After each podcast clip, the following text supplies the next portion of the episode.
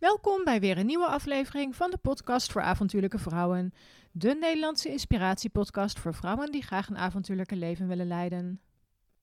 Mijn naam is Antoinette Spaan en ik ben wandelaar, schrijver en wereldreiziger.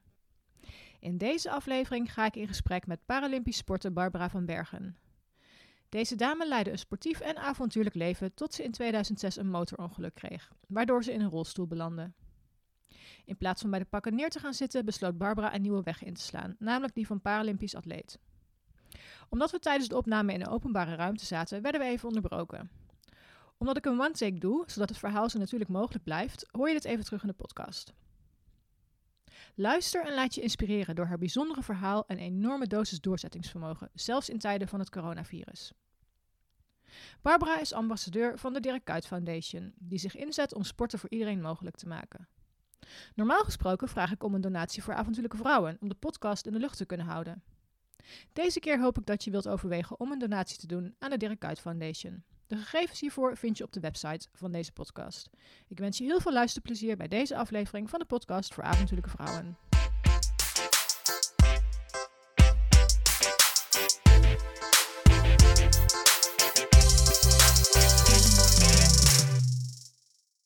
Barbara, van harte welkom in de podcast voor avontuurlijke vrouwen. Super Dankjewel. leuk dat je helemaal naar Arnhem bent gekomen vanuit Rotterdam.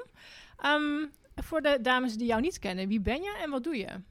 Nou, ik ben dus Barbara. Ehm, ik ben Paralympisch atleet. Ik heb tien jaar lang in het Nederlands team eh rolstoel basketbal eh, gezeten. En sinds 2016, na de Spelen van Rio, ehm, ben ik overgestapt naar het Nederlands eh, skiteam. En daar mag ik, maak ik nu ook onderdeel uit van het Nederlands team. En je bent dus eigenlijk onderweg naar de volgende Olympische Ja. Spelen aan het werken. De volgende Paralympische Spelen, Winterspelen, zijn in 2022 in China, in, Be- in Beijing. Eh, dus ja, even spannend of de- hoe dat natuurlijk gaat uitpakken. Ja, ja. Ja, ik vind jou echt een super stoer mens. Ik heb, eh, ik heb even al je, ik, ik volg je al een tijdje op, op Instagram en ik heb eh, wat artikelen over jou gelezen. Ehm, voor de luisteraars, jij hebt, als ik me niet vergis, in 2006 een motorongeluk gekregen. Waardoor je in een rolstoel terecht bent gekomen. Maar Ja. daar, daarvoor was sporten ook al een belangrijk onderdeel van jouw Ja, leven. klopt. Ja, absoluut. Eh, vanaf mijn derde ben ik altijd al naar de sneeuw gegaan met mijn ouders. eh, lekker skiën. Dus dat zat er ook al vroeg in. Dat was voor ons echt een, eh, een jaarlijks terugkomend ritueel. En daarna ben ik na mijn opleiding communicatie ehm, gaan werken bij een kledingbedrijf. Wat zich ook richtte op de sneeuw, op snowboarden. Ah, ja. Dus ja, daar had ik natuurlijk ook gewoon heel veel affiniteit mee. En eh, ben ik ook veel mee de, de sneeuw in gegaan. Maar daarnaast deed ik ook eh, atletiek. ja? Dat heb ik sinds mijn eh, twaalfde gedaan. En ja, toen ik maar eenmaal mijn ongeluk kreeg, was dat natuurlijk helaas niet meer, eh, behoorde dat niet meer tot de mogelijkheden. Uiteraard zijn er wel veel Paralympische atletiekonderdelen, maar voor mij was het wel even klaar. Ik Mhm. deed postdoc hoogspringen trouwens. Dus dat is in de stoel natuurlijk een beetje lastig. Ja, ja ik, zit, ik, ik ben vrij visueel ingesteld en ik zit meteen te denken hoe dan. Maar ja, Ja, nee, nee. dus. Nee, dus dat was voor mij klaar. En ik ben op zoek gegaan naar een andere nieuwe uitdaging. En eh, toen kwam ik al vrij snel in aanraking met uh, rolstoel basketbal. En toen dacht ik zo, dit is vet. Ja, Het is wel heel even iets anders natuurlijk, van een individuele sport als atletiek naar een teamsport eh, zoals basketbal. Maar ik vond het zo gaaf, want het heeft zoveel dynamiek en het gaat zo snel. En eh, ja, het is gewoon ook tof om naar te kijken. Ja, Nice. ik, eh, ik, heb, ik heb er wat filmpjes van gezien en ik dacht echt van, oh wauw, dat is echt super vet.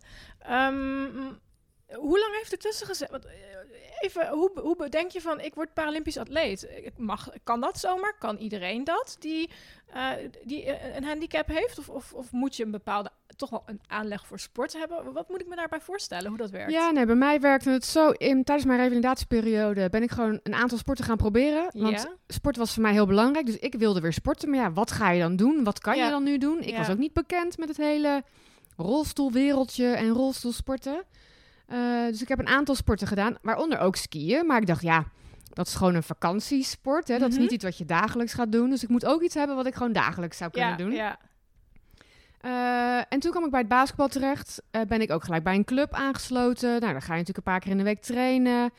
En daar zei op een gegeven moment de coach van... joh, ehm, ik weet dat ze bij het Nederlands damesteam... altijd wel goede nieuwe meiden kunnen gebruiken. Ik denk dat jij daar goed tussen past. Ook qua kwalificatie, qua punten die, je die Mhm. je bent.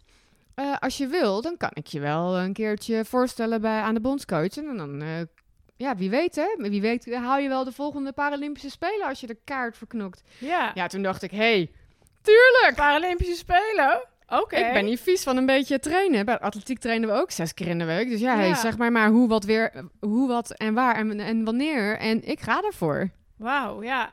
En dan is, misschien, dan is in één keer een hele eh, carrière switch dat je denkt van, oh, hoe, dat, dat, dat lijkt me echt heel bijzonder om zo te ervaren. Dat je daar denkt van, nou, ik ga gewoon sporten. En dat je, dat je ineens dan allerlei kansen op je pad. Ja, absoluut. Want ik weet nog wel dat wij toen wij eh, met, met mijn vriendinnetjes van de atletiek... tot over de atletiekbaan liepen toen we 16 waren of zo. En dat we dachten, goh, hoe tof zou het zijn hè?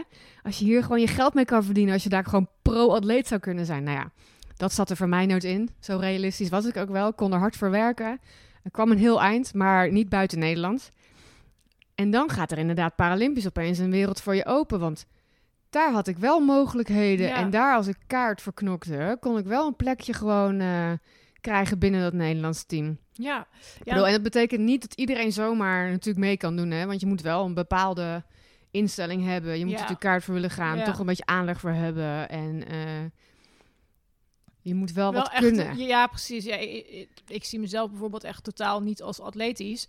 Dus ik denk niet dat, dat onder welke omstandigheid ooit ik over zo'n horde zou kunnen springen Ja. of, of, of, of zoiets. Ehm, maar inderdaad, gezien jouw jouw jouw sportieve verleden natuurlijk, dan uh, dat zal zeker geholpen hebben. En ook weten wat het is om topsportmentaliteit te hebben. Kan Absoluut, ja. En doorzettingsvermogen. Want eh topsport is niet altijd eh, natuurlijk leuk Nee, en eh, nee, rechtvaardig. Nee. Eh, het kan ook knoerhard zijn en je kan er ook zomaar uit liggen. Dus je moet wel gewoon eh, altijd proberen door te blijven gaan. Ja, en jij, jij, hebt dus, jij bent dus begonnen met rolstoelbasketbal. Ja. En ehm, ik heel even te denken, ehm, dat, dan doe je dus in een team. En ehm, dan... Ja, net als met regulier basketbal staan er gewoon vijf mensen op het veld. Ja. Je mag met z'n twaalf in een team, dus er zitten er zeven op de bank en er mag gewoon gerouleerd worden. Waar Ja, waren we? eh, bij het reguliere basketbal staan er ook gewoon vijf man in het veld. Ja. Eh, zeven mensen op de bank. Je mag met z'n twaalf in totaal eh, deelnemen en er mag gewoon doorgerouleerd worden. Wij hebben ook eh, heel veel dezelfde, dezelfde regels, spelregels Ja. als bij valide basketbal. Nog wel een paar extra regels, omdat je natuurlijk met een rolstoel toch iets anders functioneert op het veld dan, dan lopend. Wij kunnen niet opzij stappen. Je kan natuurlijk veel meer rammen, maar niet al het rammen mag zomaar. Dus daar zijn natuurlijk wel wat extra regels voor. Ja, en stel dat jij, eh, want jij bent nu overgegaan naar eh, skiën. Ja. En jij wilde, want ik had, als ik goed begrepen heb, wilde jij graag de eerste Nederlandse Paralympiër worden die zowel in de zomerspelen als in de winterspelen een medaille haalt, eh, gaat halen. Ja, dat zou natuurlijk super tof zijn. Ja, ja, ja, ja. Ja, ik, na, ik eigenlijk wilde ik al. ehm, ik wist eigenlijk al best wel snel dat ik toch ook wat met het skiën wilde. Ja. 2008 waren mijn eerste spelen in Beijing. Toen was ik natuurlijk nog helemaal nieuw in het wereldje. Maar eh, toen won eh, Amerika, het Amerikaanse damesteam won goud. Twee jaar later waren de winterspelen. Toen ging ik dat natuurlijk ook kijken. Want ja, ik zat natuurlijk nu opeens in het Paralympische. En ik ging het toch een beetje volgen. En toen zag ik dat een van die meiden van het basketbalteam ook Oh, gewoon op de winterspelen aan het skiën was. En daar ook goud haalde. En toen dacht ik, Dat wil ik. dat wil ik ook. Ja. Ja. Je kan het dus allebei doen. En Ja. skiën is dus ook nog eens een Paralympische sport. Een professionele sport en niet alleen een vakantiesport. ja. En, had, ik, Nederland, had, had Nederland toen al een team?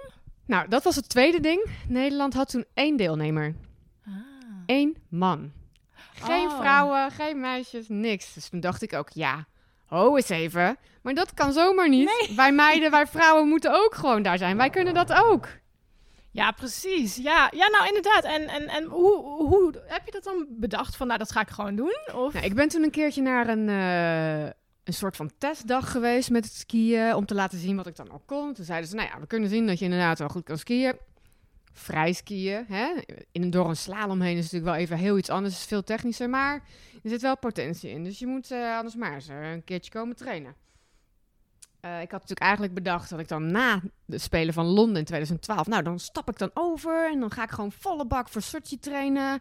En dan, eh, dat ga ik gewoon doen. Ja. In Londen hadden we een bronzen medaille gewonnen. Mm. De roze wolk, het zwarte gat. Oeh, te laat, geen tijd meer. Ja. En toen ja. dacht ik natuurlijk ook even realistisch. Dat kan natuurlijk niet. we zijn niet hier gewoon voor de gezelligheid aan het sporten. Nee, het is wel echt- professioneel. Ja, ja. Hoe heb ik ooit bedacht dat ik in anderhalf jaar even die overstap ging maken en dat dan gewoon ging doen? Dat werkt dus niet. Ik moet het even anders gaan plannen. Dus toen heb ik met mijn basketbalcoach gezeten en gezegd van... joh, ik wil toch echt serieus straks een keer wat met het skiën. We zijn nog niet klaar met basketbal. Die bronzen medaille was mooi, maar we willen meer. Ik ook. Dus daar blijf ik sowieso mee doorgaan. Maar ik wil eigenlijk wel in die tussenjaren alvast gaan proeven aan het skiën. Ja, ja, ja. Want als ik die overstap maak, dan wil ik wel weten... Waarom- Kan ik het? Ja. Ja. Eh, hè, maar zoals ik zei, wedstrijdskiën is wel wat anders dan vakantieskiën. Eh hoe werkt dat? Want het is natuurlijk weer een hele andere dimensie Dan Eh, gewoon ski- maar jij- dan, je- dan, dan binnen een basketbalteam waar alles geregeld wordt. Dit is individueel. Hoe werken de trainingen? Hoe gaat het bij wedstrijden? Dat als ik zo die overstap maak, dat eigenlijk alles heel duidelijk is en dat ik, maar, dat ik geen vraagtekens meer heb. En ook weet dat het, dat het kan. Dat Ja. ik die potentie heb. Hè? ja, ja. Je gaat niet aan iets beginnen wat kansloos is. Nee, precies. Want je geeft natuurlijk ook iets op dan uiteindelijk. Precies. Dus ik heb dat twee jaar toen gedaan. Het laatste jaar van Rio ben ik natuurlijk volle bak weer voor het skiën, voor het eh, basketbal gegaan. Want ja, je wil ook geen risico lopen op blessures. Eh, want die heb ik namelijk ook wel best wel eens een keertje gehad. Eh, En dat kan je gewoon niet hebben, het laatste jaar van de Spelen. En toen uiteindelijk na Rio, toen iedereen even achterover ging liggen en even klaar was met het sporten en even afstand nam. Twee weken later ging ik gewoon lekker naar de sneeuw. Om volle bak te knallen. En te gaan voor de volgende Spelen, 2018. Die ik helaas niet heb gehaald. Maar eh, ik ben dus nog niet klaar. Nee, je hebt nog een, eh, een aantal dingen te vervullen, als ik het goed eh, begrijp. Ja, zeker. ja. En ehm, nou, voor de dames die jou eh, nog niet volgen, op jouw Instagram staan ook wat, wat beelden van, van het Paralympisch skiën. Want dat doe je op één ski. Ja, klopt. Ik zit natuurlijk in een rolstoel, dus ik kan niet staan. Nee. En ik wist ook eigenlijk al, voordat ik in een rolstoel, van het bestaan van een monoski af. Ik had dat wel eens gezien in de skigebieden. Mhm. Dus toen ik eenmaal in mijn rolstoel terecht kwam, toen zei ik ook... hey, jullie moeten even uit gaan zoeken hoe dat, eh, hoe dat is en hoe dat werkt... en waar ik dat kan huren of lenen of whatever. Ik moet weer skiën. Jullie Ja. gaan niet zonder mij op vakantie. Nee, nee. Het is veel te leuk. Eh, dus ik ben eigenlijk vrij snel ben ik daar weer eh, in terechtgekomen. En het is inderdaad, je zit in een kuipje. Ik heb nu een op maat gemaakt kuipje. Want hoe, hoe strakker en hoe beter je er natuurlijk in zit, hoe beter ook elke beweging Ja. overgaat naar je ski. Daar zit dan een heel frame onder met een hele grote veer die eigenlijk een beetje je skiën nabootst. Zodat je natuurlijk ook wat klappers op kan vangen. Mhm. En niet alleen maar gewoon alles in je rug eh, voelt. En dan daaronder eh, één ski inderdaad. En ik heb wel twee krukjes in mijn handen. ja, ik zag ze inderdaad. Ja, En de ja. krukjes hebben dan ook weer twee kleine skietjes eronder. Zodat je, daar geef ik een beetje eh, mijn richting mee aan. Dan kan ik een klein beetje mijn balans mee, re- mee regelen. Ja, ik, ik, ik ben echt een on- ongelofelijke oelewapper wat skiën betreft. Het lukt me gewoon niet om goed die berg af te komen. Dus ik zag dit en ik dacht echt bij mezelf... Ja, hoe dan op één ski? Misschien Ehm, ben je hier wel heel goed in. ja, dat zou zomaar kunnen. Wie weet, er gaat een nieuwe wereld voor me open. Maar ehm, eh, zo'n eerste keer zo'n berg af, in zo'n constructie, als ik het zo mag noemen... Vond je dat niet doodeng? Ik Of vond het niet doodeng, maar ik dacht wel, hoe moet ik remmen? Ja, Ik had geskiet, ik had gesnowboard. Dat kan je altijd van iemand leren. Ja. Hè? Want er is altijd, hè, ik, van mijn ouders heb ik leren skiën, van mijn vriend heb ik leren snowboarden. Dan kan je altijd aan iemand vragen, hoe moet ik dat dan doen? Die doet het voor, ja, dat doe je na. ja, ja, ja. Na tien keer kan je het wel. Eh, hier moest ik natuurlijk gewoon weer hier moest ik gewoon les voor gaan nemen. Dat had ik nog nooit gedaan. Nee, inderdaad. Dus joh, de eerste ja. keer dat ik dat ging doen, had, had ik ook een soort van elastiek om mijn middel, zodat ik een beetje in mijn vaart geremd werd, zodat ik niet alleen maar naar beneden Ja. kraste. En ja, en uiteindelijk als je dat gewoon eh, los doet, dat is zo tof. En je, en je zit lager bij de grond, dus je hebt ook Mhm. het gevoel dat je nog harder gaat. Uiteindelijk ga je ook harder natuurlijk als je eh, echt goed kan skiën. Eh, maar het was zeker wel eventjes wennen en best wel in het begin, "Ah, hoe dan? Ja, ja. Waar, ben je, waar ben je begonnen überhaupt? Nou, ik dacht, ik pak het wel meteen goed aan. Ik Oh. ga niet hier in een, in een koelkast dat proberen. nee. Eh, ik ben naar, eh, naar Oostenrijk gegaan, naar Kaunertal. Oh, kijk. En Ja. daar gewoon meteen eh, de piste op. Ja. Ik had daar wel even wat research naar gedaan. Daar zat een, een hotel, wat en voor motorrijders geschikt was, want die komen daar blijkbaar veel langs. Oh ja. Maar het was ook een hotel wat ook wel geschikt was voor mensen in een rolstoel. Nou zou ik daar nu niet per se heel erg naar zoeken, maar toen vond ik dat, ja, was natuurlijk de eerste keer dat ik dan naar het buitenland ging en hoe werkt het dan allemaal? En zijn toch nog wel wat meer dingetjes dan een beetje spannend. En die hadden ook, konden ook die zitski regelen en een leraar. Dus dat was natuurlijk heel fijn dat alles gewoon gewoon lekker, eh, compleet was. Gecoverd, ja. Ja. En Ja. dan ga je gewoon beginnen. En dan ga je inderdaad ja. beginnen, ja, inderdaad. En Nou had ik wel de, een beetje een, de, dat wel iets, iets tegen. Die leraren die eh, mij het zou gaan leren, die man, die eh, was al iets eerder naar boven gegaan. en die had toen vervolgens iets met zijn schouder en die moest afgevoerd worden. Oh nee! Ja, dus ik dacht, oh. oh, niet. ik wil beginnen. ja, Ja, ja. uiteindelijk hebben ze toen iemand anders geregeld. Waar ik later achter kwam dat het een wereldkampioen was. Waar ik uiteindelijk later zelf tegen en mee heb geskiet. Ja, hoe Oh, wat grappig is dat? bijzonder. Ja. Ja, dan leer je meteen wel van de allerbeste natuurlijk. Ja, dat was wel Ja. super tof. Ja. En had jij toen meteen zoiets van, ja, dit, dit is awesome, dit wil ik Ja. gaan doen? Ik of vond dit, het- dit blijf nou ja, doen? als, dat was natuurlijk toen dacht ik zo, dit is tof. Ik kan dit wel gewoon. Dan kan ik gewoon mee op wintersport. En ik moet zo snel mogelijk mijn eigen ding. Want dan kan ik zelf bepalen wanneer ik ga. Als ik morgen wil, dan kan ik gewoon morgen gaan. Want anders dan moet Ja. je dat weer gaan huren, zo'n eh zitski. En eh, moet je het maar weer afwachten of het de juiste is. Of dat ze het allemaal hebben. En Ja, ja, inderdaad. En nu Ja. heb je gewoon allemaal eigen materiaal. Ik Ja. zag ook dat je het materiaal op maat hebt laten maken. Ja. Ehm, Ja, want en- als je gewoon vakantie skiet, weet je, dan kan je prima met een eh, standaard kuipje. Maar als je natuurlijk gaat wedstrijd skiën, dan wil je natuurlijk dat elke beweging in je ski gaat, dat er niks Ja. verloren gaat. Nee, precies. Dus toen heb ik ja. inderdaad eh, een, eh, een kuipje op maat laten maken. En ook nu een beencover op maat, zodat alles nog beter op elkaar aansluit. Het ziet er nu heel echt... eh, Het ziet er fancy eh, uit. Ja, zeker. Ja, Ja. absoluut. Dus ik, eh, ik zal ook de tag naar je Instagram toevoegen, dat mensen jou kunnen Ja, gaan tof. volgen. Want dat is wel echt, echt inspirerend.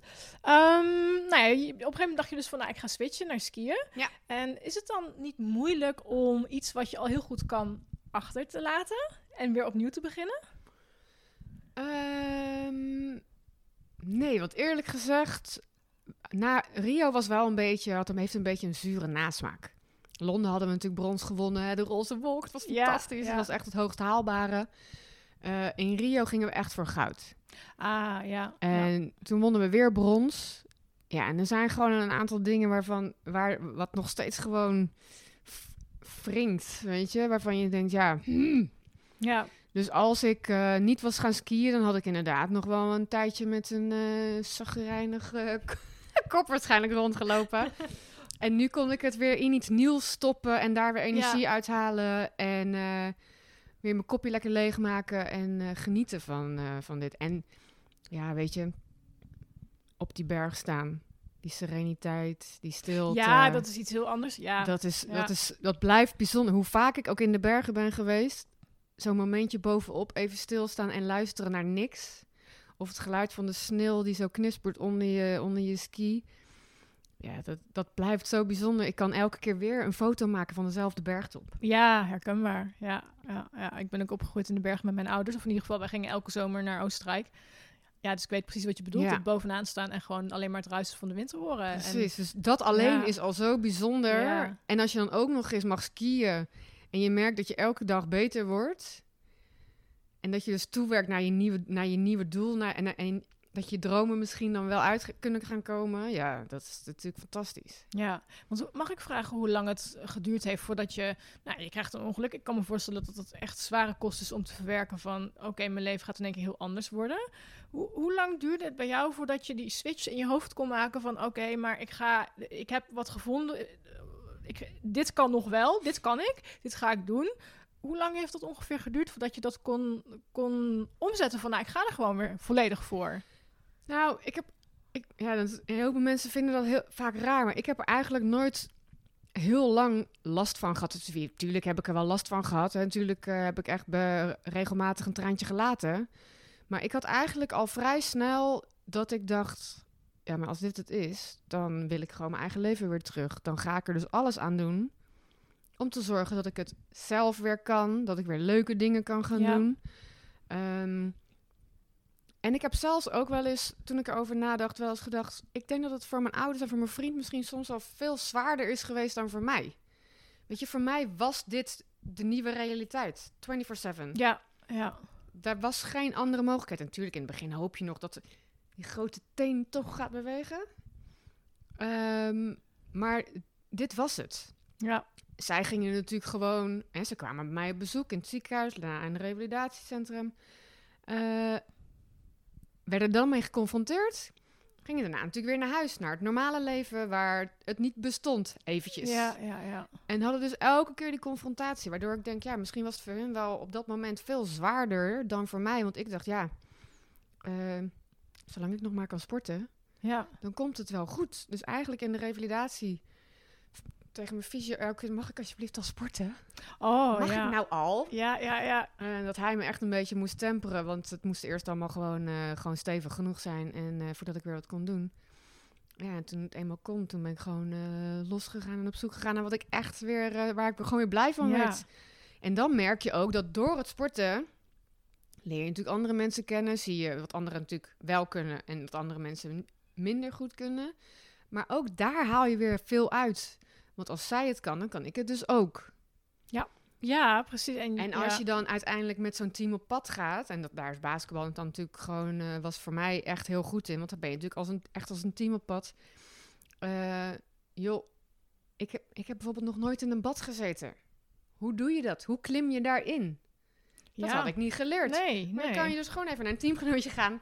Ehm, doe jij eerst je benen in het bad? Hoe ga je dat doen? En Ja, ja, ja. Weet je, Ja. dus op die manier word je eigenlijk ook door anderen gewoon veel sneller zelfstandig dan als je dat thuis had moeten uitvinden. Ik was alleen met mijn vriend naar een hotel geweest. Hoe ga ik dat dan doen? Kan hij me niet vertellen. Maar je teamgenootjes kunnen dat wel. Ja, Dus door de sport vind je ook weer veel sneller eh, en je, je- jezelf terug. Want je wordt gewoon zelfstandiger. En de verbinding met ehm, ja, lotgenoten vind ik eigenlijk gewoon, dat vind ik geen mooi woord. Ik weet Ik even niet, geen ander ik- woord, ik weet even geen ander woord Ik voor. wilde namelijk maar- echt niet bij het gehandicapte rolstoelclubje. Nee. Want als wij eh, met het hele team dan ergens eh, in het buitenland waren en eh, we waren een middagje vrij en we konden ergens heen. Ik ga niet met de twaalfen in kolonnen rijden. Daar doe ik niet aan. ik, moest- ik moet even om. de Ja, nee, snap ik. Ja, Ja, ik, ik, ik, ik kan me daar echt iets bij, of ja, ik kan me erbij voorstellen. Ik snap je bent zo'n attractie. Ja, de mensen gaan volgens mij op straat echt naar je staan kijken van, oh, en elkaar. Precies. Van, Dat is al als je natuurlijk met z'n drie of met z'n vieren bent. Ja, Maar dan ben je in ieder geval nog met een klein clubje. En dan, maar als je dan met z'n twaalf natuurlijk door de stad gaat. Nee. Dat, weet je, dat, dat ging ik dan niet doen. Nee, dus je had wel zoiets van, nou, tot op zekere hoogte. Maar ik kan me voorstellen dat de verbinding met de andere eh, mensen in jouw team, Ja. dat dat ook wel voor een, een stuk minder frustraties misschien ook wel zorgde. Als je natuurlijk eenmaal met z'n allen in die rolstoel zat. Want ik heb natuurlijk ook teamgenootjes die gewoon kunnen, wel kunnen lopen. Of Ja. die op één been met een prothese lopen. Eh, als je eenmaal in die, rol, in die basketbalstoel zat, dan was je natuurlijk allemaal hetzelfde. Ja, ja. Dan was er geen onderscheid. Ja, tuurlijk, de een was handiger dan de ander. Hè, omdat hij meer eh, balans had of meer Mhm. spieren kon gebruiken. Maar in principe was je hetzelfde. Ja. Ja, ik, ik, ik, het lijkt me heel bijzonder om dat, eh, om dat zo te mogen ervaren uiteindelijk. En ook wat je zegt, van ja, ik had eigenlijk meteen die, vrij snel die switch weer om van als ik maar weer kan sporten. Ja.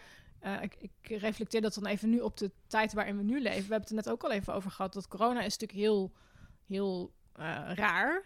Een jaar geleden, als je dit had verteld, Ja. van joh, over een jaar zitten we Had allemaal thuis. En dan had je je echt kapot gelachen van nou, doe even normaal. Dit is nu de nieuwe realiteit. Jij noemde ook al even van dit is de nieuwe realiteit. Ehm, ik vind het mooi hoe jij zegt van nou, dit is een nieuwe realiteit. Ik moet het er maar mee, mee doen. Want ik, Maar je hebt nu ook twee keuzes, hè? ja, ja ik of je accepteert ja, wat het is en je, maakt er, eh, je haalt eruit wat je wel kan. ja. Of je gaat inderdaad lopen zagrijnen en denken... ja, maar ik kan dit niet en ik kan dat niet. Die, dat had ik natuurlijk toen, eh 14 jaar geleden ook. ja, Je kan of gaan liggen janken onder je dekbed...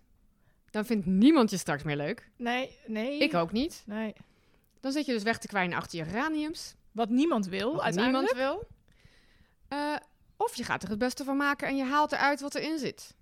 Ja, want het feit is, je situatie verandert niet. Precies.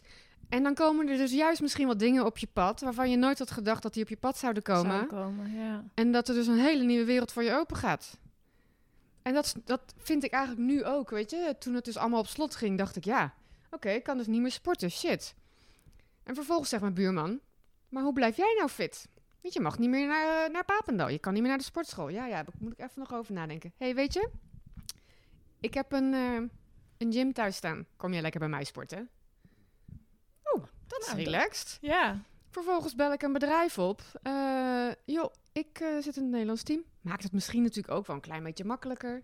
Hè, goede introductie. natuurlijk. Ja, ja, ja. Eh, ik moet fit blijven, kan niet sporten. Ik wil graag zo'n apparaat van jullie lenen, huren. Kan dat? Ja, tuurlijk, je mag hem lenen. En wanneer kun je hem ophalen? Van, ja, vandaag. Ja, kom maar. Beter. Ja, ja. dus weet ja. je, op die manier kreeg ik het voor elkaar om eigenlijk... Ik heb alles kunnen doen. Ja. En ik was misschien nog wel fitter ook, want ik had geen reistijd. Nee, dat klopt. Dus je had in één keer meer tijd eh, om eh, te trainen. Als ik even een bruggetje sla. ehm, hoe ziet jouw gemiddelde dag slash week er dan uit? Ehm, want ja, ik zat even te denken van... Dit is natuurlijk gewoon jouw fulltime bestaan. Eh, trainen naar de Olympische Spelen en voor de World Cups. Klopt. Ehm, hoe, hoe ziet een, een, een dag slash week slash jaar... In jouw, want je traint natuurlijk naar een bepaald Ja. seizoen. Hoe ziet dat er globaal genomen een beetje uit? Nou, het is natuurlijk, eh, we hebben natuurlijk hele wisselende weken. Want eh, ik ben natuurlijk, als ik in Nederland ben, dan eh, kan ik niet skiën. Of in ieder geval, je zou natuurlijk indoor kunnen skiën, maar dat is niet iets wat we dan doen. Want dat heeft eigenlijk weinig ehm, vergelijking met de echte sneeuw en de echte soortpistes waar wij op skiën. De, de wat voor pistes? Dus de stijlheid, de Oh, soortpistes. ja, ja, ja. ja. Dus wat wij in Nederland doen is eigenlijk onze krachttraining, onze conditietraining, mobiliteit, core. En dat proppen we gewoon in de hele week. Dat doen we twee keer in de week gezamenlijk op Papendal. En de rest van de week eh, doen we dat allemaal thuis. Eh, want zoals ik net ook eigenlijk wat ik tegen jou zei, is... ehm, eh, als ik conditietraining wil doen, wil ik misschien wel graag gaan zwemmen of gaan boksen. ja. En jij vindt het veel fijner om dat op de fiets te doen. Nou, als je thuis bent, dan kan je dat gewoon op je eigen manier doen. We sturen ons data gewoon door van de hartslagmeter. Oh, de coaches ja, ja, weten natuurlijk precies wat we uitspoken. We Ja. moeten sowieso alles eh, in een soort van logboek eh, inloggen. Dus eh, zo werkt dat dan gedurende de week als we thuis zijn. En als we weg zijn naar het buitenland, ja, dan gaan we natuurlijk veel skiën. Dat is echt 's ochtends heel vroeg je bed uit. Ja. Want vaak zijn wij met zonsopgang eh, boven. Wat Oeh. natuurlijk super mooi is. ja, dat heeft wel zijn perk zo natuurlijk vroeg Ja. opstaan. Ja. Ja. Dus dat zijn natuurlijk wel de privileges die je dan hebt. Dat je zo vroeg naar boven mag. Want de laatste keer gingen we geloof ik om kwart over zes naar boven. Toen we in Zwitserland waren. Gaan, gaan de liften dan speciaal voor jullie? Of gaan ze überhaupt al dan? Of, ehm, Nee, ze gaan nog niet voor het publiek dan. Ze gaan dan alleen maar eh, inderdaad voor, de, voor alle atleten die boven een piste hebben gehuurd. Oh, want je huurt een piste dan? Ja, Ik vind het echt stuk- super, inter- ik vind het super ja. interessant. Ik heb echt geen idee hoe Ja. dat allemaal werkt, maar jullie huren Ja, nu is het natuurlijk alleen maar de Ah, gletsjer open. Dus dat is eigenlijk maar een heel klein gedeelte. Er zijn dan blijven twee pistetjes open als soort van inski-piste. En de rest staat eigenlijk vol met palen. Dus als je Oh, daar als, eh, gewoon als particulier heen gaat, heb je daar ook eigenlijk niks te zoeken. Nee, nee, nee. Want eh, het is en mega druk vaak. Nu is het wel iets rustiger door de corona, want niet iedereen mag natuurlijk overal naartoe. nee. Ehm, dus ja, en dan gaan wij, eh, dan zijn we dus heel vroeg boven. En dan eh, ga je zo snel mogelijk zorgen dat je omgekleed en naar buiten gaat in je bakkie. Gaan we lekker inskiën, vervolgens gaan we trainen. Meestal ben je dan rond een uur of elf, half twaalf alweer klaar. Maar dan heb je er wel al 4,5 uur boven gestaan. Ja, ja, ja, ja, ja. En dan op 3600 meter, dus dat is natuurlijk ook nog best wel pittig. Heftig voor je, Ja. je rikketik eh, ook en ademen en zo. Dat moet je ook acclimatiseren, lijkt me.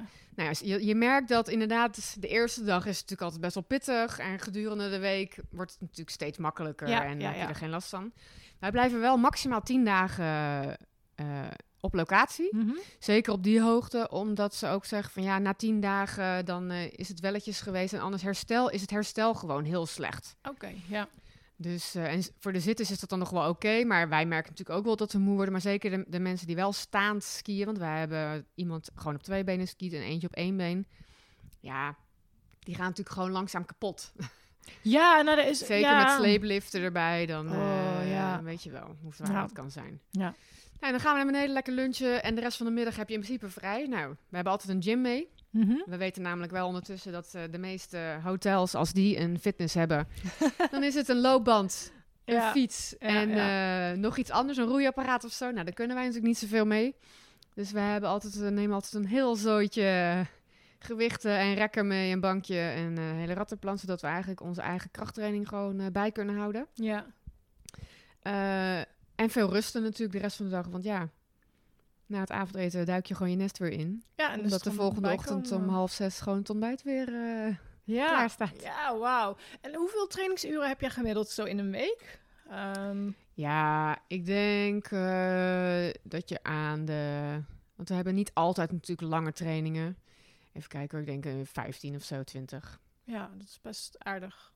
Tenminste, ja, ik train een paar uurtjes in de week en dan denk ik van, oh, mijn lichaam is wel, best wel moe. Ja, maar je dat is toch goed? Ja, Ja, nee, je maar jij doet ook nog werken erbij, weet je? Ja, ik doe werk erbij. ja. ja, dat is waar. Ja, ja, ja. En ehm, heb je nou iets, eh, je staat dan boven op die berg, heb je wel eens geen zin? Dat je denkt, eh, vandaag even niet? tuurlijk. Ik heb ook wel eens een dag dat ik denk, Eh, even niet. ik heb het derde dag syndroom. Ja, derde dag. Oh, wat goed. dat je- Bestaat dat, derde dag? Ja, Nou ja, dat vind ik heel leuk. ik heb het ook soms op de vierde dag hoor. Oh, Maar ik heb het met hiking eigenlijk altijd dat ik de derde dag echt die rugzak opdoe. En Ja. denk, gadverdamme, ik heb Ja. geen zin vandaag. Nee. En alles doet zeer. En, maar ik wist niet dat het een syndroom was. Ik heb gewoon voor mezelf nou, zo ik bepaald het maar. een derde dag syndroom. Wat goed, die ga ik er absoluut Ja. inhouden. Ja, ik plan op die dag ook eigenlijk niet mijn langste afstand als het enigszins mogelijk is. Want ik gewoon weet, ja, mijn lichaam is moe van dat, voor dat weer dragen Wennen van aan de het rugzak. En het wennen aan die hoogte. En het is toch allemaal wat zwaarder. En... Ja, Maar ook ja. als je natuurlijk een keer eh, of slecht hebt geslapen. Of het is gewoon die dag ervoor heel, heel zwaar geweest. En je bent gewoon minder goed hersteld. Ja, weet je, iedereen kan wel eens een eh, klote dag hebben. Dus Ja. ja. als het dan niet werkt, als je, als je lichaam dan niet meewerkt. Of niet synchroon met je gedachten. Ja, dan, eh, eh, dan- ja, dan ja, gaat die skiën het dat ook gaat niet ook doen. niet. Nee, dat klopt. Nee, nee, nee. En dan kan het best wel eens frustrerend zijn, maar eh, ja, ik probeer dan toch altijd maar gewoon door te beuken. In de hoop dat ik uiteindelijk er overheen kom. En soms lukt dat en soms ook niet. Nou ja, Ja, goed, Soms heb je dan, eh dan is dat het- zo. wel het gevoel van yes, ik heb het toch gewoon gedaan. Ja. En dat, over, dat- overwinningsgevoel, dat Ja. is ook natuurlijk wel... eh, Zeker weten. Hoe- hoeveel dagen in de week train je? Eh, vijf. Ja. En als we op pad zijn met skiën, als we, als we zeven dagen kunnen skiën, gaan we zeven Ja, dagen skiën. ja, ja, ja. Maar ja, we zijn natuurlijk altijd een beetje afhankelijk van de natuur. En die bepaalt zelf wat hij doet. Daar kan je niks van eh, Nee. zeggen, inderdaad. Nee, nee, nee. En ehm, eh, jij zei net van, ehm, jij zit in een zitski, maar er zijn ook mensen met één been, eh, twee benen. Hoe zit dat in competitieverband? Heb, is, hebben die allemaal hun eigen competitie? Nee. Of het is dus gewoon, want ik, ik heb daar geen, geen verstand van eerlijk gezegd. En het is Ja. wel super Nou ja, interessant. We je hebt natuurlijk mannen en vrouwen zijn wel eh, apart. Ja. En dan heb je eigenlijk drie hoofdcategorieën. En die hebben wel allemaal hun eigen ehm, wedstrijd Mhm. onderling. De, de slechtziende, Ja. dus we noemen we de visual, visually impaired. Mhm. Dat is een groep. Je hebt de groep staanders. Mhm. Of dat nou één been is, twee benen is, met of zonder handje. Ja. Eh, en je hebt de zitters. Mhm. En binnen die categorieën heb je weer subcategorieën om het lekker makkelijk te maken. Dus bij mij bij de zitters heb je LW 10, 1 en 2, 11 en 12, 1 en 2. De tieners zijn dan degene die eigenlijk nauwelijks buikspieren hebben, dus heel weinig balans. Ja. Dus met een hoge lazy. Elfers ben ik, wel alle balans aan de bovenkant, maar je, niks met de benen. En twaalfers, die eh, hebben ook nog beenfunctie, kunnen bijvoorbeeld eh, dubbel... Wij hebben twee jongens met dubbel amputaat. Mhm. Kan ook iemand zijn met een enkel amputaat. Eh, kan iemand zijn die wel nog gewoon op twee benen een beetje kan lopen, wat meer een beetje waggelen is. Ja.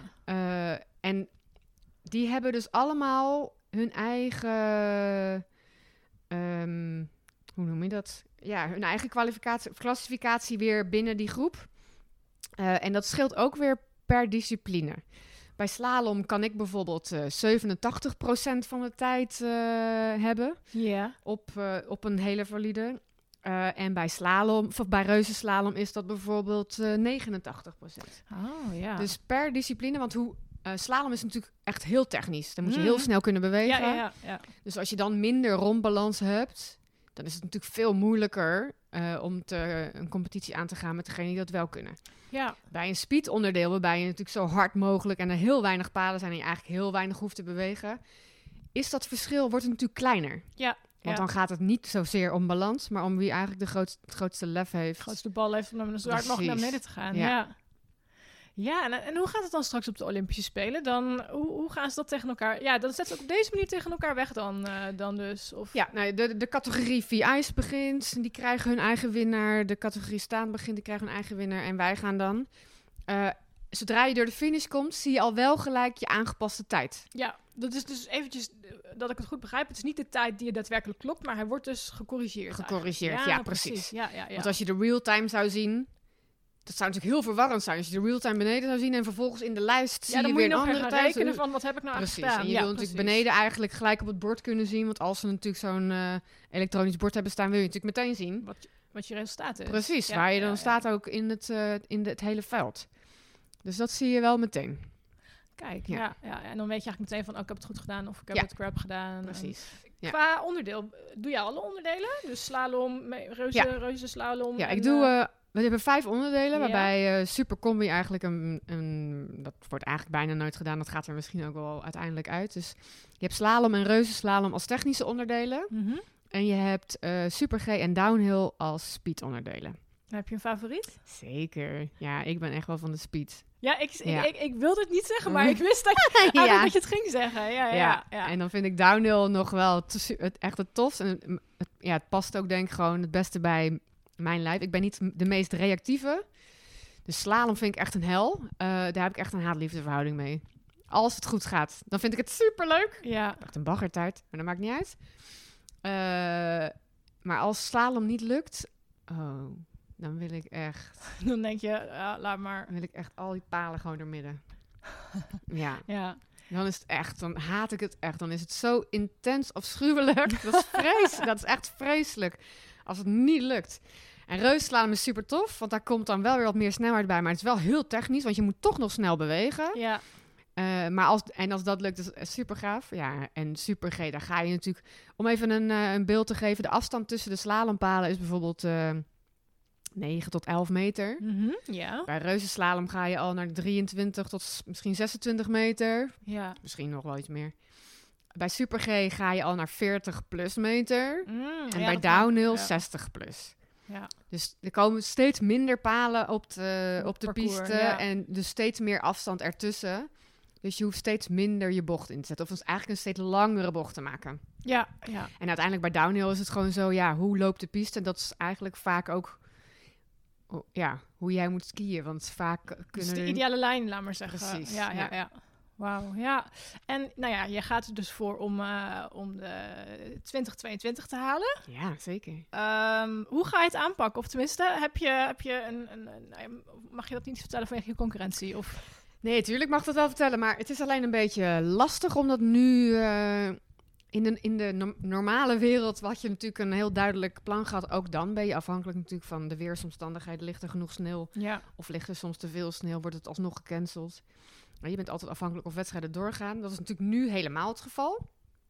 Eigenlijk zouden we dit jaar, eh, of dit seizoen in februari een, eh, een WK hebben.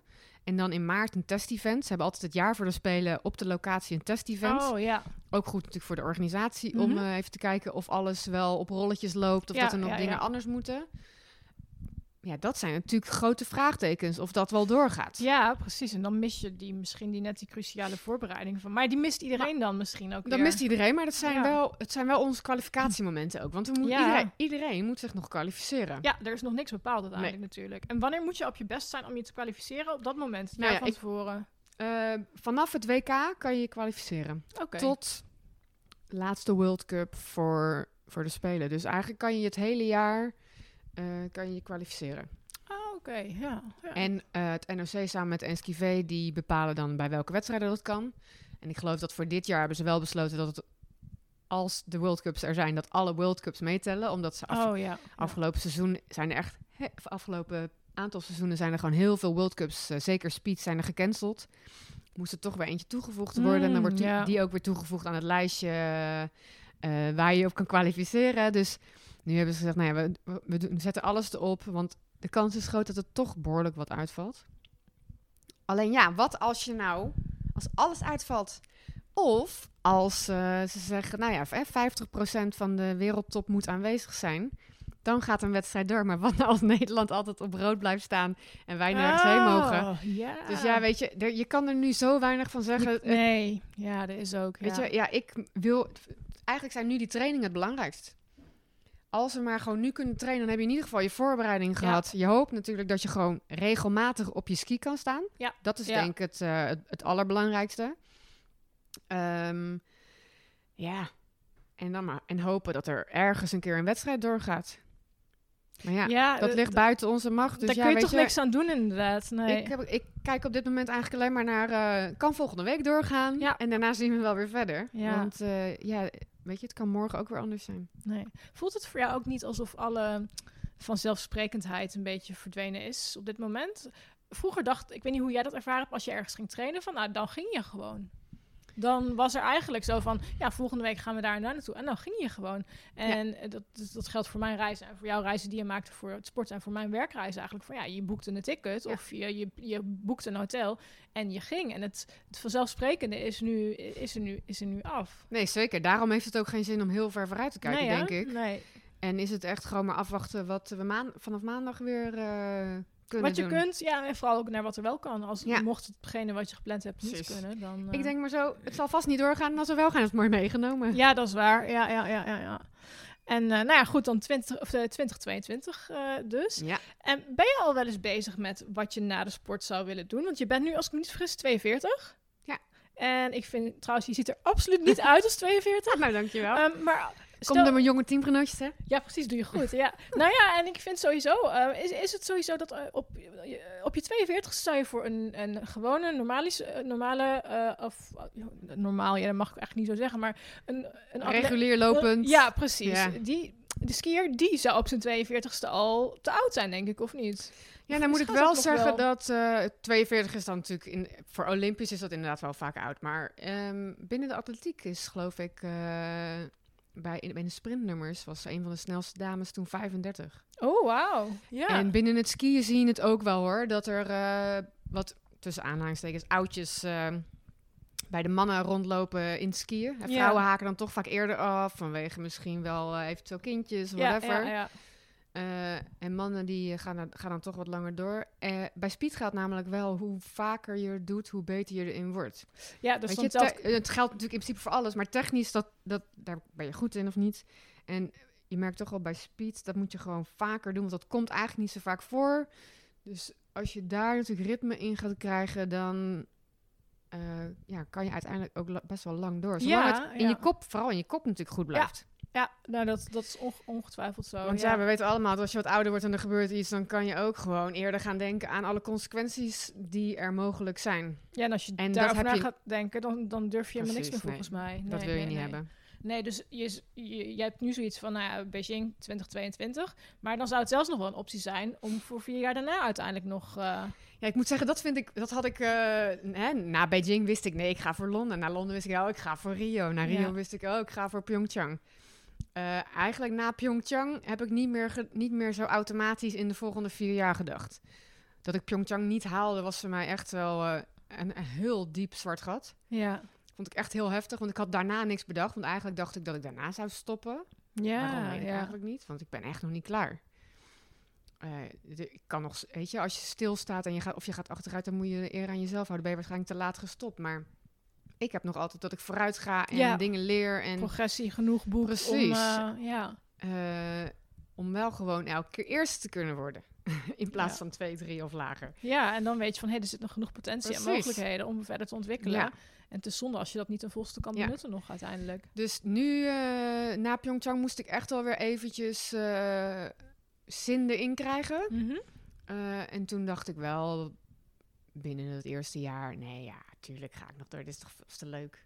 Gek ook. Dit, is mijn, dit is je passie, dit. ja, Ja, precies. En weet je, wie heeft nou zulk mooi, het mooi tussen aanhalingstekens werk? Ik mag Ja. gewoon eh, in de bergen spelen. Een beetje buiten spelen en eh krijg ervoor betaald. En eh, ik haal het beste uit mezelf. Ik blijf er fit bij. Ja. En, eh, ja, ik krijg het ook vaak te horen van, oh, ga je weer lekker op vakantie? Ik oh dan, ja, dat zeggen mensen tegen mij ook heel vaak. Maar dan knipoog dan natuurlijk wel. Dan Ja, zeg ik, ja, zeker. Doei, ik ben weer stel, ik ben van de week heb ik yoga op de berg gedaan in een enorm pak sneeuw in één keer. Dat je denkt van, oh ja, ik ben aan het werken. En ik had het geloof ik deze keer niet helemaal duidelijk tegen mijn vriend gezegd. Dus ik kwam thuis en dacht, je was toch gewoon op... Nee, ik was niet op vakantie, ik was echt weer aan het werk. Ja, Oh, dat had ik niet zo begrepen. zo zag Dus het dan- er niet uit bij het zwembad. Nee, inderdaad. Hey, ehm, als ik even de koppeling mag maken naar avontuur. Want jij doet echt van alles. Je hebt altijd van alles gedaan. Ja. Ehm, wat is avontuur voor jou? Eh, ja, god hé. Ik denk eh, dat je avonturen en een heleboel dingen kan zien. Niet alleen in sport, maar ook in het buiten zijn. eh, misschien ook wel, hè, qua jonge streken is het natuurlijk ook avontuur. Ja, ja, dus waar. ja. ehm, ja, voor mij is het... Ik kan, me nou, ik kan me niet voorstellen dat ik op vakantie ga bijvoorbeeld en alleen maar eh, op een tien dagen op een bedje lig. Nee, Ik moet nee. het doen. Ja, ja. Dus, en als ik dan iets ga doen, dan wil ik ook wel iets buiten mijn comfortzone doen. Of iets leren of iets een stapje verder kunnen nemen. Dus ik denk dat dat voor mij wel avontuur is. Ja. Ik wakeboard namelijk ook. Ja, ik zag je dat het gezien? staan. Ja, super vet. En voor de mensen die niet weten wat het is, je hebt eh, skiën en snowboarden, en je hebt waterskiën en je hebt dus wakeboarden. En wakeboarden is een soort van snowboarden op het water. Ja, achter met zo'n draad, toch? Achter een boot, of niet? Kan achter de boot, maar kan ook achter de kabel. Ik doe het aan een kabel. Aan de kabel? Eh, ja, dus een kabel dus vaak met vijf eh, pilaren. ah, Gaat ja. 30 km per uur. Kunnen 8 tot 10 lijntjes aan. Dus je kan gewoon met vrienden gezellig eh, Mm. een uurtje lekker gaan, lekker gaan wakeboarden. Even een promotie te maken hè, voor het Ja. wakeboarden. Eh, en ja, dat heb ik hiervoor ook altijd staand eh, gedaan. En dan sta je net als op een snowboard, dus schuin erop. Mhm. Ehm, dat kan ik natuurlijk nu niet. Dus ik heb een frame gemaakt. Wat, waarbij ik dus gewoon rechts vooruit zit op dat bord. Dus mijn voeten staan op het bord. En ik zit dan in een kuipje op een framepje erop.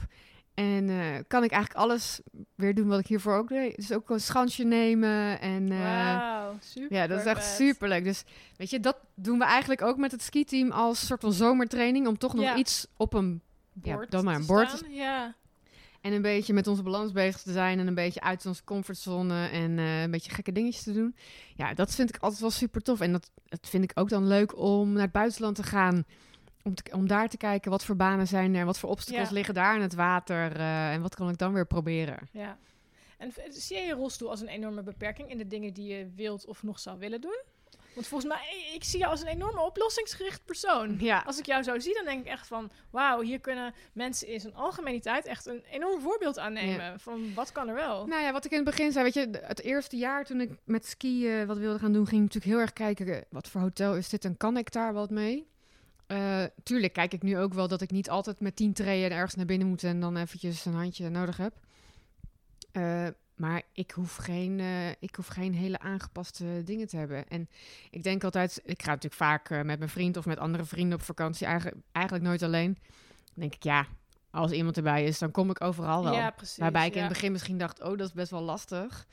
Maar dat is ook iets wat je natuurlijk gewoon in de jaren ontwikkelt. Ja. En doordat je met, hè, met zo'n team ook op pad bent, eh, ja, ga je het ook gewoon doen. Heb je dan ook wel eens dat je, dat je eh, eh, een drankje doet en dan niet per se de alcoholisch, maar gewoon s'avonds nog even zit na te kletsen en dat jullie dan alle anekdotes gaan vertellen van haha, ik heb dit een keer meegemaakt of ik kan me... Mm, dat dat je- niet per se. Nee, het is niet zo van ik heb dit meegemaakt, daar zou je wat van kunnen leren of zo. dus het is Nee. meer van als jij denkt van ik heb een, ik heb een vraag, dan kun je het gewoon neerleggen bij elkaar van goh, hoe kun je dit praktisch, Ja. praktisch aanpakken. Ja. Ja, weet je, wel, het enige wat we bijvoorbeeld wel eens natuurlijk zeggen, als, als mensen natuurlijk weer een rare vraag aan je hebben gesteld. Ja, ja. Wat, wat voor, eh, ma- mag ik vragen wat voor rare vragen je dan zoal krijgt? Is, is echt iets Nou, waarvan je denkt van nou, Het zijn nog niet eens rare vragen, maar mensen vragen natuurlijk te pas en te onpas. Hoe is het gebeurd? En dan denk ik altijd, ik moet ook een persoonlijke vraag eigenlijk aan jou stellen. Ik vind het niet erg om het te vertellen. waarom draag maar- je een bril? Ja. Ja, precies. Hoezo, eh, wat is jouw schoonmaat? ja. Eh, weet je, ik moet dus mijn hele persoonlijke hebben en houden hier op tafel leggen. Doe ik zonder moeite. Maar het gaat je eigenlijk geen reet aan, toch? Nee, nee, dat is helemaal waar. Helemaal waar, ja. Dus weet je, dat soort dingen zijn natuurlijk wel dat je denkt, nou, nou weer meegemaakt. Ja. Terwijl als kindjes het doen, is het natuurlijk Nou, dat is anders. An- je, ja, vind ik alleen maar ja, heel leuk. Ja. Moet je dan niet naar de dokter? Doet het geen zeer? Ja, dat is alleen maar schattig. Dat is toch hilarisch? ja, Ja, ja. Nou, wat jij zegt herken ik wel. Ik heb bijvoorbeeld geen kinderwens. En dat is nu is dat wel redelijk geaccepteerd. En iedereen in mijn omgeving weet het. Maar ik moest me vroeger echt verdedigen op verjaardag. ja. Van waarom wil jij geen kinderen? Waarom wil jij wel kinderen? Ja. Huh? Waarom is het verplicht? Ja, inderdaad. Dus nou ja, goed. En eh, dus ik heb, dat, ik heb het zelf nooit als iets, als iets raars gezien of zo. Maar inderdaad, het is nog niet zo geaccepteerd. En Nee. mensen vloep- vloeperen dat zo gewoon uit zonder na Ja. te denken over van... Goh, maar wat, heb ik daar eigenlijk wel überhaupt iets mee, Ja. eh, mee te maken? Nou ja, en toen ik er met, in het begin met skiën was het natuurlijk best wel een dingetje dat heel veel mensen kennen toch niet zo'n zitski. Nee, en, en dan nee. ben ik met mijn vriend en vrienden op vakantie en dan eh, crossen we door het gebied en dan zie je soms gewoon mensen met hun mond open staan of ze gewoon staan wijzen naar je. Ja, dat, ja. En dan, eh, dan ben ik wel zo, hé, hey, je mond staat open. ja, dat zie ik jou ook echt wel doen, ja. Ja, ja, want, oh, sorry. ja. Ja, als je wat te vragen hebt, kom gewoon even naar me toe. Is echt niet erg. Ja. Ik snap dat het niet een, iets tussen aanhalingstekens normaals is, maar eh, het is wel normaal. Ja, en, en zie je überhaupt veel zitskis? Eh, want ik kan me ook Ja, voorstellen... wel steeds dat meer. Het roze olifantverhaal van als je ergens in zit of iets zelf ervaart, dan, dan zie je, dan ga je erop letten. Ik zou daar helemaal niet op letten als ik op een piste sta. want Dan ben ik alleen maar druk bezig om veilig beneden te komen. Ik weet Maar- zeker dat het je opvalt als er eentje Ja, voorbij maar vanaf nu wel, want nu weet ik dat het er is. En dat ik denk van, oh, maar ik ben wel eens benieuwd hoe dat in het echt eruit ziet. Dus, ja. Nou, ik, ik merk, nee, en ik denk niet dat het is omdat het me nu meer opvalt, maar ik merk wel dat ik er steeds meer op de piste zie. Er zijn ook gewoon wel meer verenigingen die ook reisje naar het buitenland doen. Je kan op steeds meer plekken kan je er eentje huren. Er worden steeds meer lessen ook aangeboden. Dus je gaat het ook wel steeds meer zien. Oké, ja, dus er, Ja. er komt eigenlijk veel meer aandacht uh, dus het wordt wel wat toegankelijker. En zijn er bepaalde regio's in Europa waar ze heel goed gefaciliteerd zijn op zitskis? Of kun je gewoon overal terecht? Uh, nee, qua skigebieden kijk ik altijd wel even goed of het niet alleen maar gondels zijn. Want dat is super irritant. Daar kan je natuurlijk niet gewoon eventjes inglijden. Nee, uh, en nee. Met een sleeplift kan ik prima. Ik heb een koord wat, er, waar ik, wat Mhm. ik omheen hang. Ik kan in, uh, in een stoeltjeslift, want ik, die veer onder mijn kont, die kan ik openzetten. En dan ga ik omhoog en dan kan ik eigenlijk gewoon Oh, ja, zitten. Ja, ja, ja. Uh, maar een gondel is altijd nog een beetje een gedoetje. Dan moet je eigenlijk je ski uit. Dan moet je dus een beetje gaan huppen. Maar ja, vaak bij een gondel moet je even eerst een paar treetjes op. Dan moet je Oh, over die ja, ja, ja. matten die niet glijden. En Ja, ja. dus dat is niet zo handig. Dus een gebied waar alleen maar ehm, gondels zijn, daar kies ik in principe niet voor. Nee. Wat mij wel positief heeft eh, verrast eigenlijk de afgelopen jaren is eh Val Thorens in Frankrijk. Oh, ja. Dat is echt een topgebied. Die willen dus ook, die, ze geven het ook echt specifiek op hun website aan. Die willen het beste aangepaste gebied ter, van Europa zijn. Oh, wat goed. Wat mooi dat er aandacht Ja. voor, eh, voor is. Vinden ook niks gek. Die kan je dus ook gewoon de gondels in. Bij de achteringang is een belletje. Oh. Komen ze met een karretje, daar ga je met je ski op Oh, en ze rijden ja. het karretje de gondel in en boven haalt iemand je er weer uit. Kiepen ze je op de sneeuw en eh, veel plezier. Tot ziens. Fantastisch. Wat fijn Ja. dat dat kan. Ja, Echt ja. heel relaxed. Dan hoef je dus nooit na te denken, kunnen we deze piste nemen? Waar komen we dan uit? Hebben we dan wel... Je kunt gewoon gaan. Je hebt daar allemaal geen zorgen over. Dat lijkt me ook wel lekker. Als En ook niet, gewoon eh, een eh, aantal losse rolstoelen bij restaurantjes. Dus dat je ook gewoon weet dat je gewoon ergens naar de wc kan als je moet. Of als je ergens een drankje gaat doen, dat je ook uit je ski kan en gewoon even kan zitten en jezelf kan, kan bewegen. ja, jeetje. Dus dat is Hey. echt goed geregeld. Koelen jouw benen af in op dat- Mega. Ja, ik zit even te denken. Dat is Ja. een hele praktische vraag, maar dat moet je Ja. ook op een bepaalde manier natuurlijk warm weten te houden. Kan Ja, doorbloeding is natuurlijk eh alles behalve fantastisch. Eh, en je zit natuurlijk stil, je doet natuurlijk niks met je benen. Dus, eh, en ik zit goed vastgestrept, dus het knelt ook nog Oh, lekker af. ja, ja, ja. Daar merk ik overigens niks van, dus dat maakt niet uit. Eh, maar inderdaad, ik heb altijd hele koude benen. Het maakt eigenlijk niet uit of het gewoon een warme dag is geweest of niet. Ik heb Gewoon sowieso. koude benen. Ik heb nu ook gewoon een beetje koude benen. Ik heb het ook koud nu. Het is hier ook niet zo warm. Dus Nou, ik heb het verder niet koud, maar ik merk het dan aan Ja. mijn benen dat ik denk, oh ja, het is het koud. is, ja. Eh, en zolang, eh, zolang het zo is, is het prima. Maar als het natuurlijk echt mega koud wordt en het gaat echt in je botten zitten, ja, dan krijg ik het natuurlijk helemaal koud.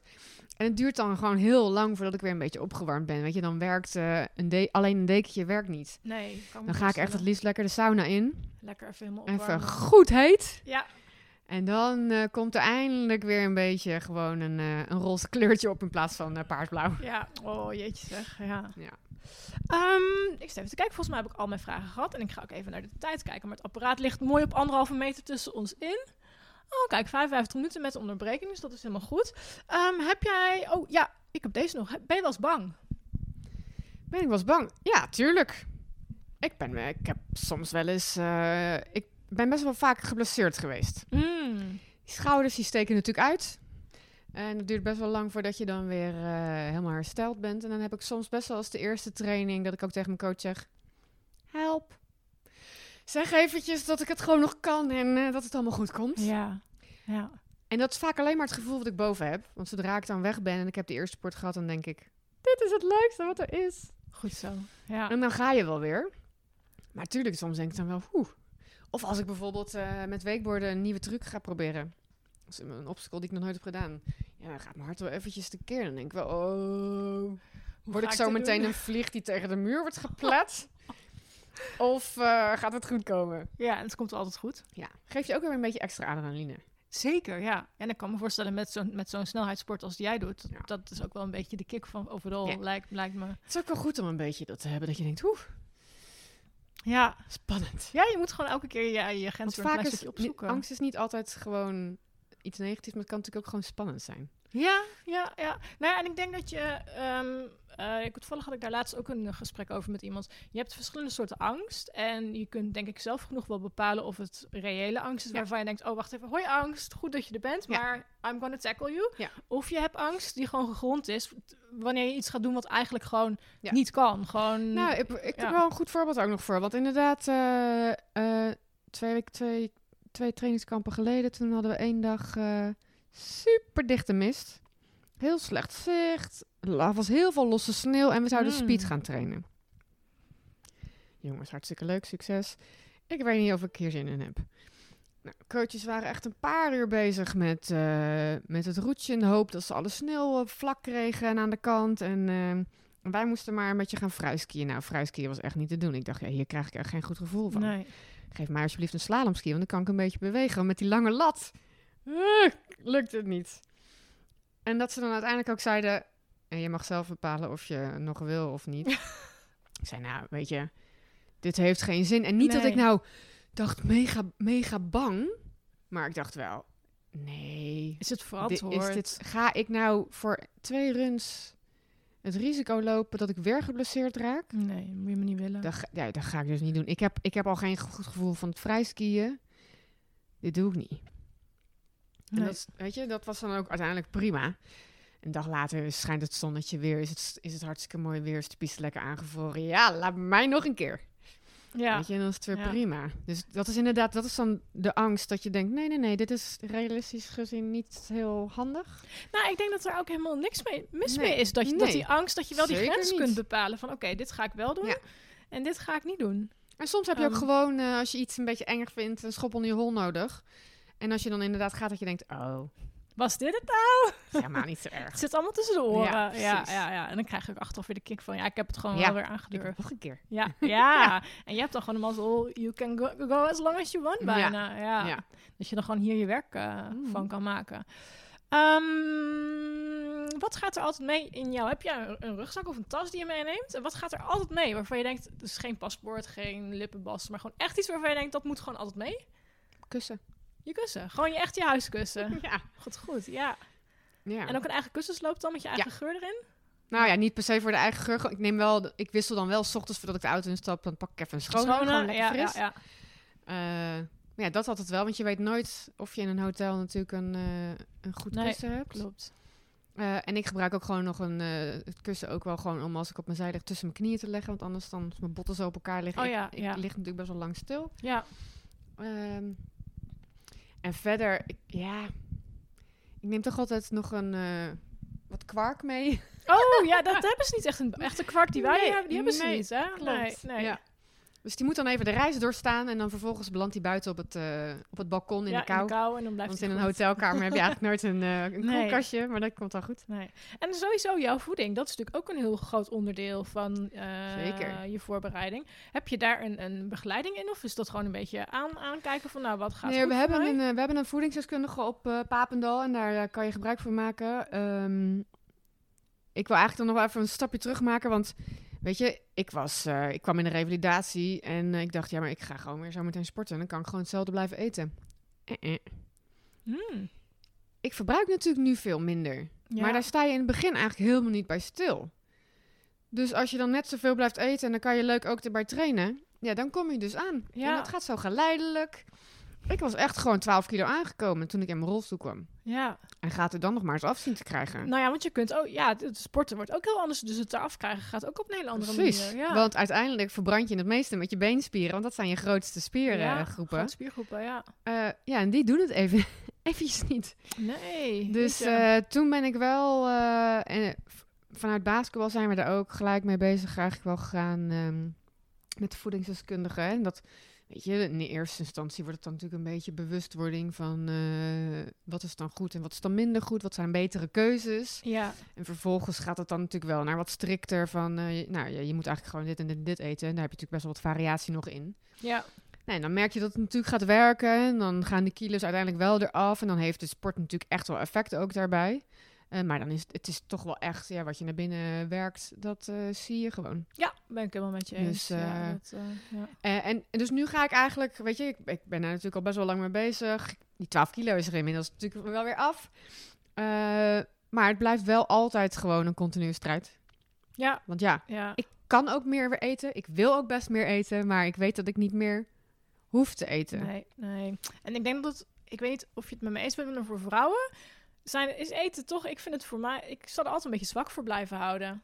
Eh, Ja. Dat ik denk, oh, Sinterklaas komt er weer aan. Hm, chocoladepepernoten. Hm, gevulde speculaas. Ja, Dat mag ik dus ook alleen maar op 5 december, anders dan gaat goed. het fout. Ja, nee, heel goed. Ja, ja. Als ik dat nu al ga kopen, ja dan dat is, het hek van de dam. Ja, Ja, sinds augustus ligt het er geloof ik al. precies. Daarom. Ik heb, moet eerlijk zeggen, ik heb mijn eerste zak chocoladepepernoten op.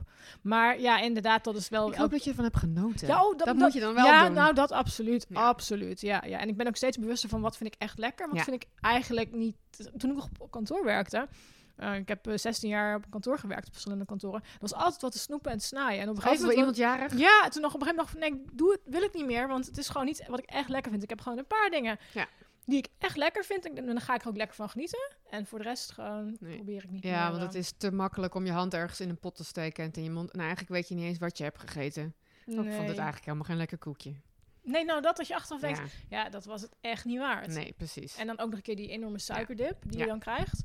Eh, en het feit dat als je eh, alcohol drinkt, dat je de volgende ochtend gewoon echt, Ja. dat je denkt, oh, pff, oh ja, is, is het Ja. dan echt dat waard? Ja. Dat, eh, nee. Nee, ik ben dus wel echt, ik ben er wel echt mee bezig. Maar dus, en ik weet precies hoe het moet en hoe het kan. Maar natuurlijk heb ik daar ook wel eens af en toe een moment in dat ik denk, ja, maar nu wil ik gewoon wel iets lekkers. En dan kan ik ook gewoon losgaan. Ja, maar dan weet je ook van, nou, dat is dan, als dat gewoon, het lijkt me als dat gewoon af en toe is, dat daar ook helemaal niet verkeerd Nee. Ehm, en dat je dan ook weet van, oké, waar, waar doe ik het voor? Klopt. En eh, Ja. nou, ik ga jou gewoon straks op het podium zien. eh, Ja, laat het hopen, hè? Twee jaar, ja, dat Ik zou ga er super vet voor. zijn, ja. Ehm, ben ik nog iets vergeten te vragen? Of is er nog iets wat je graag had willen vertellen? Ehm, Misschien kun je iets over de, eh, wat, waar we het straks over hadden, over de foundation eh, waar je over vertelde. Wil je daar nog iets over oh, kwijt? ja, tuurlijk. Ja, ik ben eh, ook ambassadeur voor de Dirk Kuyt Foundation. Eh, we kennen natuurlijk allemaal Dirk Kuyt, de Mhm. voetballer. Die is natuurlijk eh, gestopt, maar die heeft al tijdens zijn carrière de foundation eh, opgestart. Bestaat trouwens dit jaar 15 jaar. Oh, Wat zo lang al? ja. Wauw. Wat natuurlijk echt super tof is. Ja. Ehm, ik zit er al een jaar of vijf bij. Wat natuurlijk ook heel mooi is. Ehm, ik ben er ooit bijgekomen omdat ik een keer met een rolstoel basketbalclinic aan het geven was. En voor de, voor de Dirk Foundation Sportdag. Ehm, en Dirk zag mij daar en ik, ik dacht, ja, superleuk dat jij Dirk bent. Je mag prima meedoen met een partijtje, maar we zijn hier voor de kinderen, dus doe even leuk. Eh, en dat vond hij blijkbaar gewoon tof, dat hij heeft gevraagd of ik ambassadeur wil zijn. En wat doet nou de Dirk Kuyt Foundation? Ze organiseren dus zelf ook sportdagen. Ehm, maar ze helpen ook verenigingen om eh, sportdagen te organiseren. Ze willen Ja. eigenlijk dat iedereen met een beperking eh, kan sporten. Ja. En of dat nou een lichamelijke beperking is of een geestelijke beperking, eh, maakt allemaal niet uit. Ze zorgen voor iedereen eh, dat er wat is. Ze zijn natuurlijk ook door de corona best wel getroffen. Want ja, zij deden natuurlijk ook best wel wat fundraisers. Ja. Ja, ja en dat komt natuurlijk allemaal minder binnen. Sponsoren die natuurlijk ook nu in hun eigen portemonnee eh, ja. eh, aangeraakt worden en wat minder eh, dat kunnen doen. Dus eh, zij zijn ook wel aan het nadenken hoe ze dat natuurlijk voor komend jaar eh, ja, weer verder Gaan kunnen doen, gaan indelen. En of er nog genoeg eh, gesponsord en or- georganiseerd kan worden. Dus elke hulp daarbij is, eh, is eh, ja, ja. wordt gewaardeerd. Nou, dames, normaal gesproken vraag ik jullie in de intro om een donatie te doen aan avontuurlijke vrouwen. Deze keer vraag ik jullie om een donatie te doen aan de Dirk Kuyt Foundation. En ik zal er ook even bij zetten in de show notes hoe dat dan kan. Ja, dat is wel heel lief. Dankjewel. Daar zullen ze heel blij mee zijn. Eh, ja, en het is gewoon een superleuke organisatie. Het zijn een, eh, een aantal, eh, vooral meiden Ja? die op kantoor werken. Oh, Ja. wat leuk. Eh, en ja, zij werken met hart en ziel ervoor om te zorgen dat het een succes wordt en dat er gewoon mooie dingen weer gaan ontstaan. Fijn. En dat ja. iedereen dus in deze tijd ook lekker fit kan blijven. Ja, ja dat, dat, dat, dat helpt mij en heel veel anderen denk ik ook Ja. wel er doorheen. Dus ik ben echt heel erg blij dat de sportscholen open mogen blijven. En dat, Zeker. nou ja, we zitten hier midden in het bos, dat de natuur gewoon beschikbaar blijft Ja. voor iedereen. En dat we gewoon op die manier wel gewoon kunnen bijtanken en kunnen ontsnappen uit de, ja. Ja. de, de, de nieuwe realiteit. Zoals Want die laten is. we wel wezen, hè, wij, hebben nog, wij hebben het zo slecht nog niet hier Nee, gehad. oh nee, Want die nee. volledige lockdown, dat je dus niet even een rondje lekker in het bos kon Nee. lopen, even die frisse neus kon halen. Dat je alleen als je een hondje had even een rondje mocht doen. Dus iedereen Ja. natuurlijk massaal aan, aan de hondjes gegaan. Ja, het was druk hier hoor, Ja. in eh, maart en april kan ik je vertellen. Maar wij hebben het eigenlijk Nee, zo slecht nog niet, denk klopt. ik. Als je bedenkt hoe de Spanjaarden en de Italianen en de Fransen hebben gezeten. hebben gezeten, ja. Wij doen het eh, best wel, eh, wat dat betreft mogen wij Ja. best wel eh, veel. Laten we nog even een stapje erbij zetten met z'n allen. Ja, laten we het even goed gaan, goed gaan doen, zodat we van de winter allemaal weer op skivakantie kunnen. Dat Juist. jij weer optimaal kan gaan trainen. En ehm, nou, stiekem ook eigenlijk dat mijn eigen vakantie door kan gaan in december. Nee, we gaan Ja. er wel vanuit dat het lastig gaat worden hoor. Maar nou, ik hoop gewoon dat we er gezond uitkomen met z'n Ja. allen. Dat iedereen eh, er fit uitkomt. Ook goed erbij nadenkt dat, dat, dat vitaliteit gewoon echt, een- Ja. niet alleen nu, maar altijd een belangrijk onderdeel van je leven is. En beweging dus ook. Absoluut. En ehm, ja, ik hoop gewoon dat we eh, ja, door jou eh, nu even de spotlight te zetten ook ja, mensen kunnen motiveren. Niet alleen om eh, te bewegen, maar ook ken- kennis hebben kunnen laten maken. Zo drie werkwoorden achter elkaar. ehm, met wie je bent en wat je doet. En, ehm, en aandacht ook te geven voor, voor het eh, Paralympisch sporten. Ja, dat is heel mooi. Paralympische sport is natuurlijk nog best wel een ondergesneeld eh, kindje. Ja. Krijgt wel steeds meer aandacht, dus dat kan ik niet ontkennen. Maar eh, het kan natuurlijk nog altijd, eh, altijd Altijd meer. beter, ja. Eh, en inderdaad, weet je, een vitaal lijf is een, vaak een vitaal hoofd. Helemaal mee eens. Ja, en ja, ja. nee, ik hoop dat ik met mijn verhaal ook heb kunnen duidelijk maken dat het, als er iets heftigs gebeurt, dat het niet het einde van de wereld is. Dat er altijd weer nieuwe mogelijkheden aan de horizon ontstaan. Nou, wat een mooie laatste woorden. Ik ben nog één vraag vergeten. En dat is waar kunnen Oeh. mensen jou vinden als ze meer over jou willen weten? Op het www. Ja, ik heb natuurlijk wel een website, maar eh, die heb ik echt al heel lang niet eh geüpdate. www.barbaravanbergen.nl of .com. Daar vind je in ieder geval mijn basisverhaal. Eh, en ik zit natuurlijk gewoon lekker op de socials. Dus op Insta, op Facebook, op LinkedIn, op Twitter. Ik zal je zo vooral eh, gaan zoeken. Ik zit alleen op jouw Insta, maar ik ga je overal volgen. Ja. En ik zal ze ook toevoegen. Dus als mensen jou willen Leuk. gaan volgen, dan kunnen ze je makkelijk vinden. Super tof. Nou, dan wil ik je bij deze hartelijk bedanken dat je eh, hier naartoe bent gereden. Ik vond het heel tof dat, eh, dat we het hebben kunnen doen zo in de kantine van de Nieuwe Ja. Maasberg. Met twee verstoringen. Dus ik moet nog even gaan kijken hoe ik het allemaal ga editen. Komt helemaal Ehm, goed. ja, dus ook ik hou er wel van lekker spontaan. Niet te, te gekunsteld. Gewoon, het komt zoals het komt. Net zoals het leven. Ja, Dankjewel en heel veel succes de komende periode. En ik ga jou gewoon ongetwijfeld terugzien op de televisie als je in Beijing staat. thanks. Dankjewel. Hopelijk heb je genoten van deze podcast en hebben we je geïnspireerd om een avontuurlijke leven te leiden. Luister je deze podcast op iTunes, dan zou ik het tof vinden als je me 5 sterren waardering wilt geven. Wil je meer weten over mij of een van de gasten? Kijk dan op avontuurlijkevrouwen.nl en volg het Avontuurlijke Vrouwen account op Instagram. Ook is er de besloten Facebook community voor avontuurlijke vrouwen waar je kunt connecten met like-minded dames. Lid worden kan eenvoudig door een lidmaatschapsverzoek in te dienen. Voor nu bedankt voor het luisteren en graag weer tot de volgende keer.